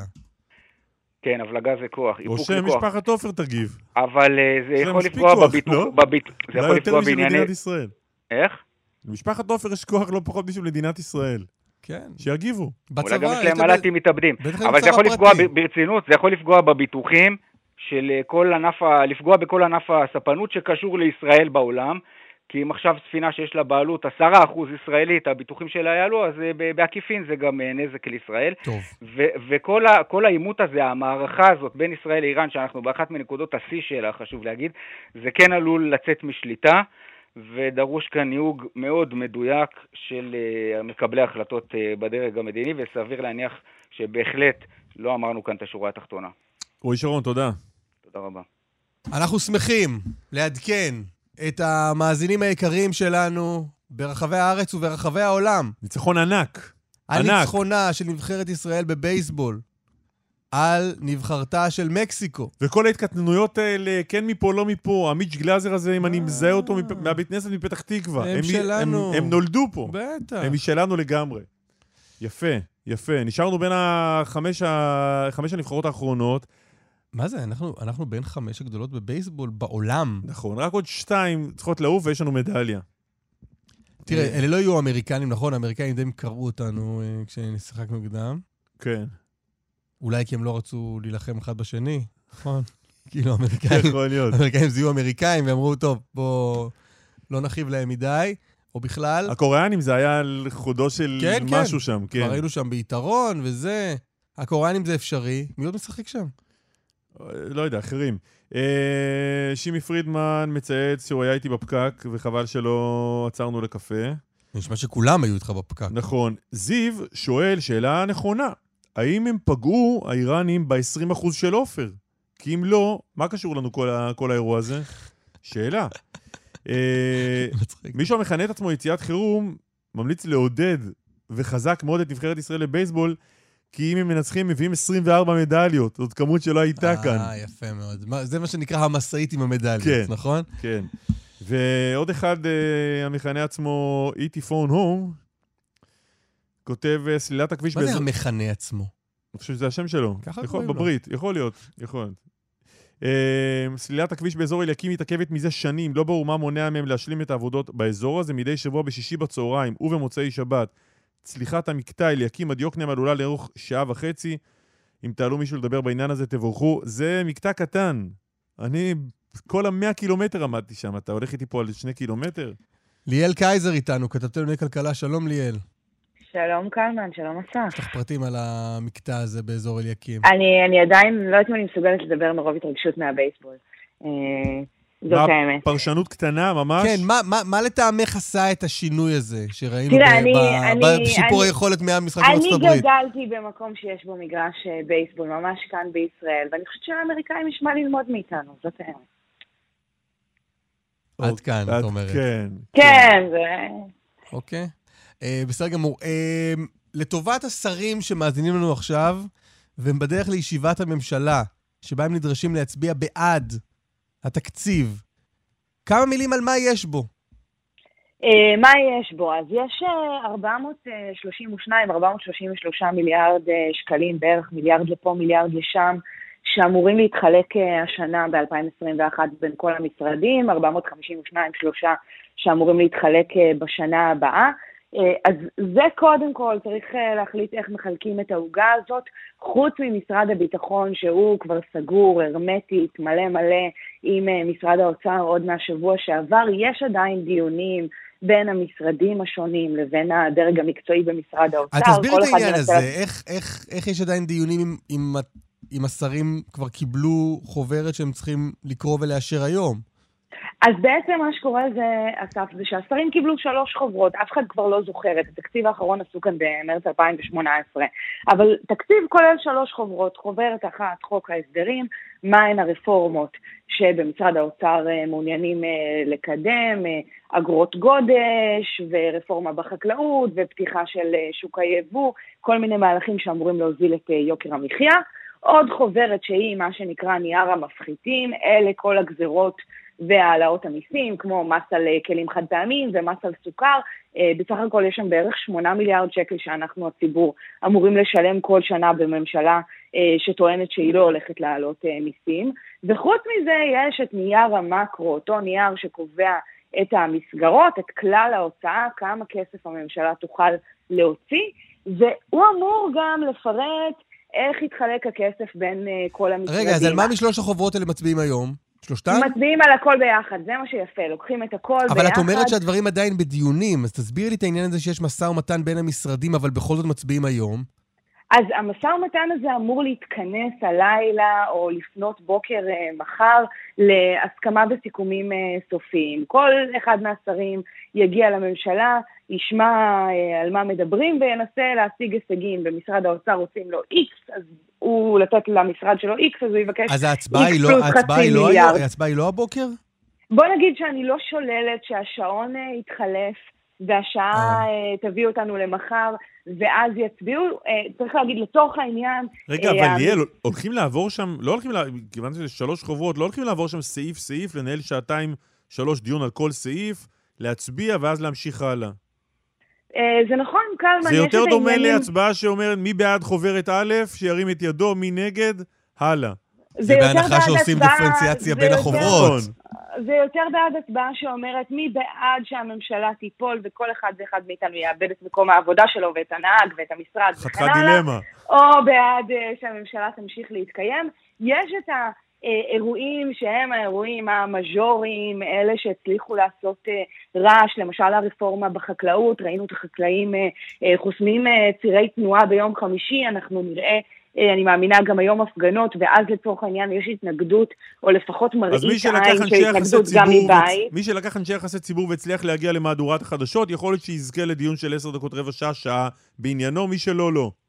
אה, ממש ככה, ובדרך כלל מי שלא זה הרוב הדומם, זה הציבור כולו, אה, והדברים, שמעל, המהלכים שמשפיעים דווקא על כולנו, כמה שקלים בחודש על העניין הזה וכמה מאות שקלים בחודש על העניין ההוא, דווקא העניינים האלה אה, לא יזכו לתשומת לב משמעותית מאוד. מישהו לצורך העניין מתנגד יחסית קולני הבוקר הוא שר הבריאות ניצן הורוביץ, שלמשל במסגרת קווי היסוד של הממשלה דרש תוספת שאמורה להגיע בערך למיליארד שקל בתקציב הבריאות. השנה, יותר ממיליארד בשנה הבאה, זה משהו שהוא באחוזים ואמור לטפוח משנה לשנה. כרגע הוא ואנשי משרד האוצר עוד לא התכנסו ביניהם, אז לצורך העניין אה, שם עושים קולות של התנגדות, אבל בסופו של דבר אה, הדברים האלה איכשהו מגיעים להסכמות. נגיד שהיו מי שאמרו במשרד האוצר שאולי צריך לדחות את הדיון בממשלה מיום ראשון ליום חמישי, אני לתומי חשבתי שאולי יש איזשהו עניין אה, מהותי, אבל האמת היא שמה שהם אמרו זה שאין מה שנקרא אירוע מכנס היום. כי אם ישיבת הממשלה מתקיימת ביום חמישי, השרים בסוף רוצים להגיע הביתה, לארוחת השבת שלהם. וכשישיבה מהסוג הזה מתקיימת ביום ראשון, בעצם בתיאוריה הם יכולים להמשיך לשבת יום, יומיים, שלושה ברצף, עד שתגיע שבת ביום שישי. בכל זאת, התחושה היא שההצבעה הזאת תסתיים אה, מתישהו מחר או לפנות בוקר אה, באישור של התקציב בממשלה. ליאל קייזר, תודה רבה. תודה לכם. לשאלה שלך, אה, אריאל עושה סדר בטוויטר לגבי מה שהולך לקרות עכשיו בבייסבול. הניצחון הענק של נבחרת הבייסבול על מקסיקו שולח את מקסיקו הביתה ומעלה את ישראל לשלב הבא. בואו נעשה סדר שנייה, מה קורה הלאה. ישראל תפגוש מחר את המנצחת בין שתי הקבוצות שסיימו מקום שני, הרפובליקה הדומיניקנית וקוריאה. אם ננצח, נפגוש את המנצחת בין יפן לארצות הברית במשחק שהמנצחת בו תתמודד על הזהב. כלומר, שני ניצחונות ויש מדליה. זהב או כסף. אם מפסידים, אסור להפסיד שני משחקים רצוף, כי אז אתה הולך הביתה. Mm. השאר אה, נדבר מחר אחרי, ה... אחרי המשחק בין אחת משתי אלה. אז אנחנו מחר נגד הרפובליקה הדומיניקנית או נגד קוריאה. שאת הקוריאנים אנחנו כבר מכירים. וואי, את. השעמומון שהיה נגדם. זה היה מתיש. מה, זה לא שנגד הדומיניקנים זה יהיה מעניין. בוא ננסה, לא יודע. אני מסתכל על זה שלוש שעות כבר, זה נראה לי אותו דבר. כאילו התמונה תקועה. אם התוצאה לא הייתה משתנה, הייתי חושב שזה תקוע. אבל אתה מבין בזה, וזה יפה. אתה מבין בזה כי, כי היית קצת בארצות הברית? מאיפה אתה מבין בזה? אני לא יודע איפה לתפוס, את- איפה איפה ההבנה שלי. לא, מה. קרה לך, נו? היה לך פה כמה ביטויים שאני לא יודע מאיפה הבאת אותם. זה, מת- קצת מתחום ראיתי- הבייסבול. קצת ראיתי בערוץ הספורט את ההסברים של הפרשן שם לענייני בייסבול וזהו. אתה כנראה ראית על מיוט, כל השלוש שעות האלה, ראית על מיוט. יותר מהר ממני. יפה. אורי ריכטר, שלום. בוקר טוב. מה העניינים? בסדר, תודה. שיחקת אותה. אה, זה נראה בהמשך, אבל אה, מה יש בהמשך? הראשון... תראה, בשלב הראשון, תראה, אה, מבחינתי, אה, מבחינתי הדבר הכי חשוב בעצם היה אה, להבטיח את הבריאות של הילדים, וזה באמת, אני מרוצה, את זה הצלחנו להשיג. אז בוא, בוא נתחיל רגע את הסיפור מההתחלה. מתי הוא מתחיל? הוא מתחיל בערך לפני חמש שנים, אז עברו שכנים חדשים אה, מתחת בדיוק לדירה שלנו, אנחנו בקומה 12, הם בקומה 11, ומהר מאוד בעצם אנחנו מתחילים להריח ריח חריף של אה, סיגריות, שנכנסות אה, לחדר הילדים, למרפסת, אה, לסלון ולחדר שינה. הריח נכנס, אה, הריח נכנס מאיפה? דרך המרפסת? דרך ה... הוא עולה מהמרפסת, הוא עולה מהמרפסת, למעשה ה- ה- ה- השכנה התמקמה ממש מתחת לחדר הילדים. השכנה עם הסיגריות. כן, כן. והעשן עולה בעצם נכנס, אה, אה, נכנס אה, לכל חדרי השינה, בעיקר לחדר הילדים, כי שם היא בעצם ישבה. זו מרפסת אה, זוגית אי-זוגית כזאת. ואז לכן העשן עולה וישר נכנס לחדר השינה. מעשנת, ו- מעשנת הרבה? ישנה לא מעט, כן. ואז מה שאני מה עושה... זה- מה זה לא מעט? ישנה שעות. ישנה שעות. בזמנים שונים, אה, בשבתות, ב- סיוט. ואז מה שקורה, אני יורד למטה ואני אומר לה, תקשיבי, זה חלל משותף, אנחנו צריכים להגיע לאיזושהי הסכמה. הדבר הכי חשוב לי, שהילדים שלי בעצם יוכלו לישון עם חלון פתוח ואוויר נקי. בטח עכשיו בתקופת הקורונה, למרות שזה היה קצת לפני. מה זה אומר הסכמה? מה, לא מעשנים בין 2 ל-4? אתה חייב, כדי שתוכל לחיות, אתה צריך לדעת שעות שיש עשן או אין עשן. לא, לכן אני שואל איזה, איזה, לא- לאיזה פשרה כן, רצית רגע, להגיע. אז, אז שנייה, תכף אני אסביר לך. אז, אז אה, ניסינו להגיע לאיזשהו משהו שיעבוד, אה, אבל מהר מאוד, לאחר כמה איטרציות כאלה, כולל אה, ניסיון תיווך עם השכנים, אה, הגעתי למסקנה שזה לא יעבוד. מפני שמה שהיא אמרה לי, אה, היא אמרה, אני מוכנה, לש... אני מוכנה לשתף אותך אולי מתי אני חוזרת מהעבודה, אבל כשאני בבית, אני ישן כמה שאני רוצה ומתי שאני רוצה, ואף אחד לא יגביל לי את uh, כמות העשן. Uh, היא בעצם יצאה מתוך נקודת הנחה שמותר לה לעשן במרפסת כמה שהיא רוצה. שזו, וזה- שזו, שזו אה, טענה זה- שיש בה מן ההיגיון, אתה אומר, אוקיי, אני בבית שלי, אתה לא תגיד לי מה לא, לעשות אין, בבית אין, שלי. בזה, היג- אין, אין בזה היגיון כל עוד, יש בזה היגיון שאתה בבית שלך, כל עוד זה לא, אה, כל עוד העשן לא עולה, לא, כל, כל עוד אתה לא פוגע בעצם בשכן. למעשה, מה שקורה כשהיא מעשנת, הכל עולה למעלה, ואז אי אפשר לקבל את זה מכמה סיבות. קודם כל, העשן הזה, העשן הזה גורם לנזקים קשים, והוא עולה לתוך החדר שינה של ילדים. שתיים, אתה לא יכול, את, את, למעשה היא כופה, בעישון הכפוי שלך, היא כופה עליך לחיות או עם חלון פתוח ואז לספוג את כל הנזק הבריאותי הזה, או שהיא כופה עליך, או מי שמעשן, כופה עליך לחיות עם חלונות סגורים, ואתה מוותר על המרפסת, ומוותר על המרפסת שלך. למעשה היא פוגעת בשני דברים, גם בבריאות, שזה הדבר הכי חמור, ואני כהורה, עוד פעם, מה שאותי הניע הכי הרבה זה בריאות של הילדים, ותתאר לעצמך מצב, נגיד, ש... אה, הבנים, נגיד, ישנים בחדר שינה, אה, החדר, הבן הקטן חולה, הוא מקיא, אתה פותח את החלון, מה אתה מקבל? ריח חריף חריף של סיגריות. זאת אומרת, אי אפשר לחיות ככה. ואז אתה אומר, אתה אומר, והניסיונות הידברות איתה הגיעו מהר מאוד למבוי סתום. הגיעו למבוי סתום, והבנו שאי אפשר לחיות ככה, והתקדמנו לכיוון אה, של תביעה, כי זה הדבר היחיד שאני יודע שיכול לעבוד שהוא חוקי. ואז מה שעשינו זה התחלנו בעצם אה, להבין שהבעיה הייתה טיפה מורכבת בעת ההיא, אז לא היה תקדים, עכשיו אני מקווה שיש. והתחלנו בעצם לאסוף ראיות, מה שהיינו צריכים זה להמחיש לשופטת, אה, טוב, לא ידענו שזה היה שופטת, את, הנזק, את, הנ, את, את הנזקים. אז אחד הבאנו... ואז ראיתי שיש יש אומדן, יש אומדן ש, שהשגתם, שוב, זה מהכתבה שקראנו על אודותיך בדה-מרקר. רוני לינדר. כן. משפחת ריכטר, שזה אתם, איבדה בין 0.97 ל-1.92 שנות נכון. חיים איכותיות, כלומר שנים נכון. לבריאות טובה. נכון, זה, וזה, האמת, האמת, זה אחת החוות דעת שהבאנו, הבאנו כמה חוות דעת, הבאנו חוות דעת שמאית שמראה אה, אה, מה הנזק ל- לשווי הדירה והשימוש בדירה, הבאנו חוות דעת של אה, אה, אה, אה, רופא תעסוקתי שהסביר בעצם שהעשן נכנס לתוך הדירה, והבאנו גם חוות דעת שמראה את עוצמת העשן בתוך הדירות, ואותי הדבר הכי מצמחר זה באמת חוות הדעת של אה, אה, גינצבורג, שבעצם אמר, אם אתה נחשף, 20, הוא כלכלן בריאות, והוא הוא דיבר איתי עוד לפני שבעצם אה, ביקשתי ממנו חוות דעת. איכשהו הכרנו באיזשהו הקשר, והוא אמר לי, תדע לך שאתה בעצם נחשף 20 דקות ביום, שכל בני משפחה שלך נחשפו, נחשפים 20 דקות ביום לעישון כפוי, על פני ארבע שנים, זה גוזל לך בין שנה לשנתיים משנות החיים של המשפחה שלך. אז רגע, אני, אני, שנייה, אני רגע.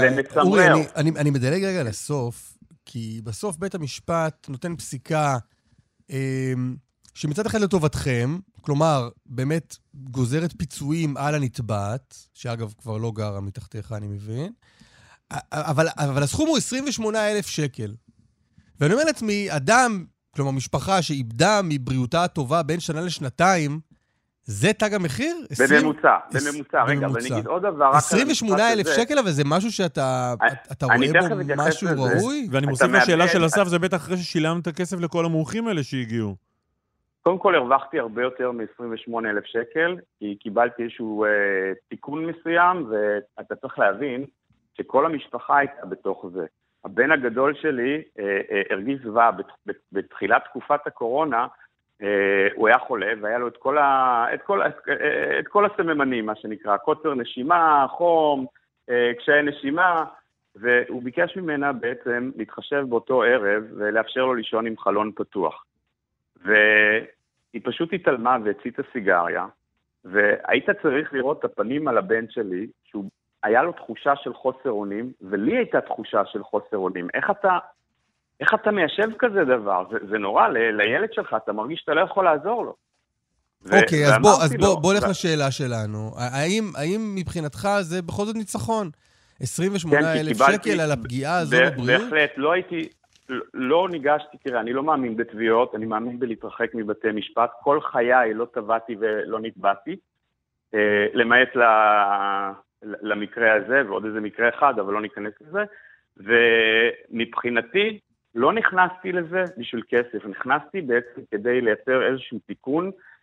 הבן שלי היה מאוד מעורב וגם דיבר בבית משפט, ועצם זה שהראיתי לו שיש, אפשר להגיע לאיזשהו צדק על ידי זה שהולכים למערכת המשפטית והולכים עד הסוף, זה נותן, נותן, נותן משהו הרבה יותר מה-28,000 שקל האלה שקיבלתי בעיניי. וזה ההתחלה גם, זה מראה שאפשר לשנות דברים. יפה. היא היא עזבה כי מה? נשבר לה מהשכן המעצבן מלמעלה שמגיש תביעות על כל סיגריה שלה? אני, אני לא בטוח בסיבה האמיתית, היו כמה סיבות אפשריות שעלו. אה, סיבה אחת שהיא רצתה דירה יותר קטנה, זה לא משנה כל אוקיי. כך. אני, לא- אני לא בטוח בסיבה האמיתית. אה, זה השורה. אורי, תודה רבה לך, רק בריאות. תודה רבה, רק דבר אחד אפשר להגיד, מה שמראה פסק הדין הזה באמת ש... אה, שמי שמזהם ופוגע בבריאות של השכנים, אז אה, משלם בסופו של דבר, זה דבר אחד. עוד משפט אחד בקצרה, בתוך בבניין שלי לבד, יש לפחות עוד שלוש משפחות, כולל נשים שהיו אז בהיריון ועם תאומים, אוקיי. שסבלו מאותה בעיה. ברוב המקרים, האנשים האלה מעדיפים לא להתעמת עם השכנים ולסבול מזה. אורי, זה נגמר לנו הזמן, אנחנו נסתפק בזה. שוב, תודה רבה לך. וזה גם זה מראה, יש סקר של מין- הצמח שמראה אורי. ש-50% סבלו מהבעיה. תודה. תודה, תודה תודה. רבה, אחר. תודה רבה. טוב, אנחנו לקראת סיום. אה, כמה עניינים. קודם כל, נגיד אה, חזי עמיור, יקירנו, אה, יהיה מחר, קצת התבחבשנו עם הזמנים, אז חזי יהיה מחר בפינתו הנפלאה מאחורי השירים. עם שיר יפה ומעניין. כן, שיר פנטסטי. שיר פנטסטי שדרוש לו זמן. אז אנחנו נעשה את זה מחר. אה, כמה תגובות, אה, יש כמה תגובות בענייני העישון. אז כותב, קרייתי בגלות, ההתערבות של בית המשפט בנושא הזה היא בושה וחרפה. איפה חופש הפרט של אדם לעשות בתחומי הבית שלו מה שהוא רוצה?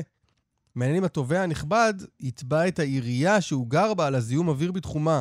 וכך הלאה, אם הוא כל כך בעד בריאות, מה עם הקרינה של הניידים שפוגעים בילדים שלו?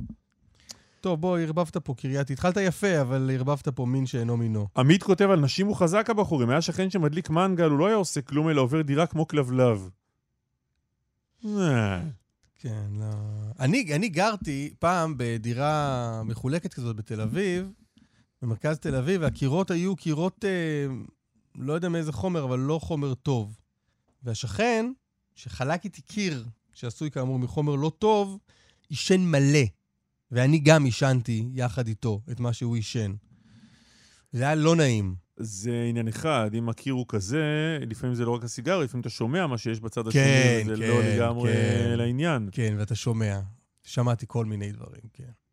כן. הוא היה בחור צעיר ו... הוא היה בחור צעיר. אוקיי. הוא היה בחור צעיר. כן. אה, יוני מציע הצעת ייעול לתוכנית הבוקר, שאסף, זה אתה, וקלמן, שזה אני, נחליף מקום.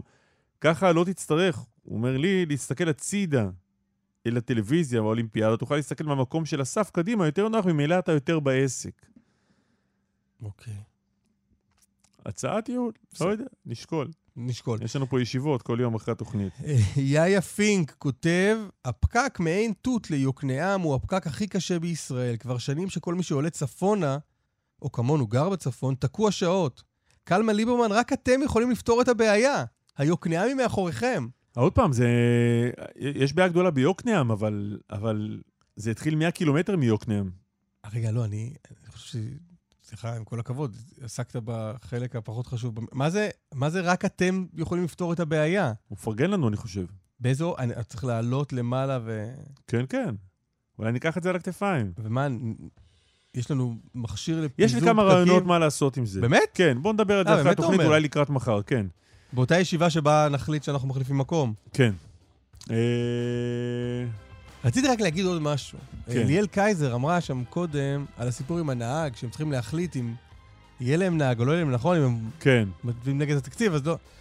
נהג זה נראה לי ממש, כאילו משהו שבאמת חבל לאבד. כן? כן, תשמע, אם היה לי נהג, אני גם אוהב לי- גם לי. היה קשה להיפרד אני אוהב ממנו. כן, אבל אתה צריך להגיע למקום וזה... עם אתה רוצה פקקים. שאני אנהג לך מפה? תאר לך, היה לך שבע שעות עם נהג, היה לך יותר קל. אין לי עשר שניות אפילו. איתמר דרוקמן, אביגל בשור, חיים זקן, אהוד כהן, אסף ליברמן, תודה לכולכם. קלמן ליבסקין, ביי.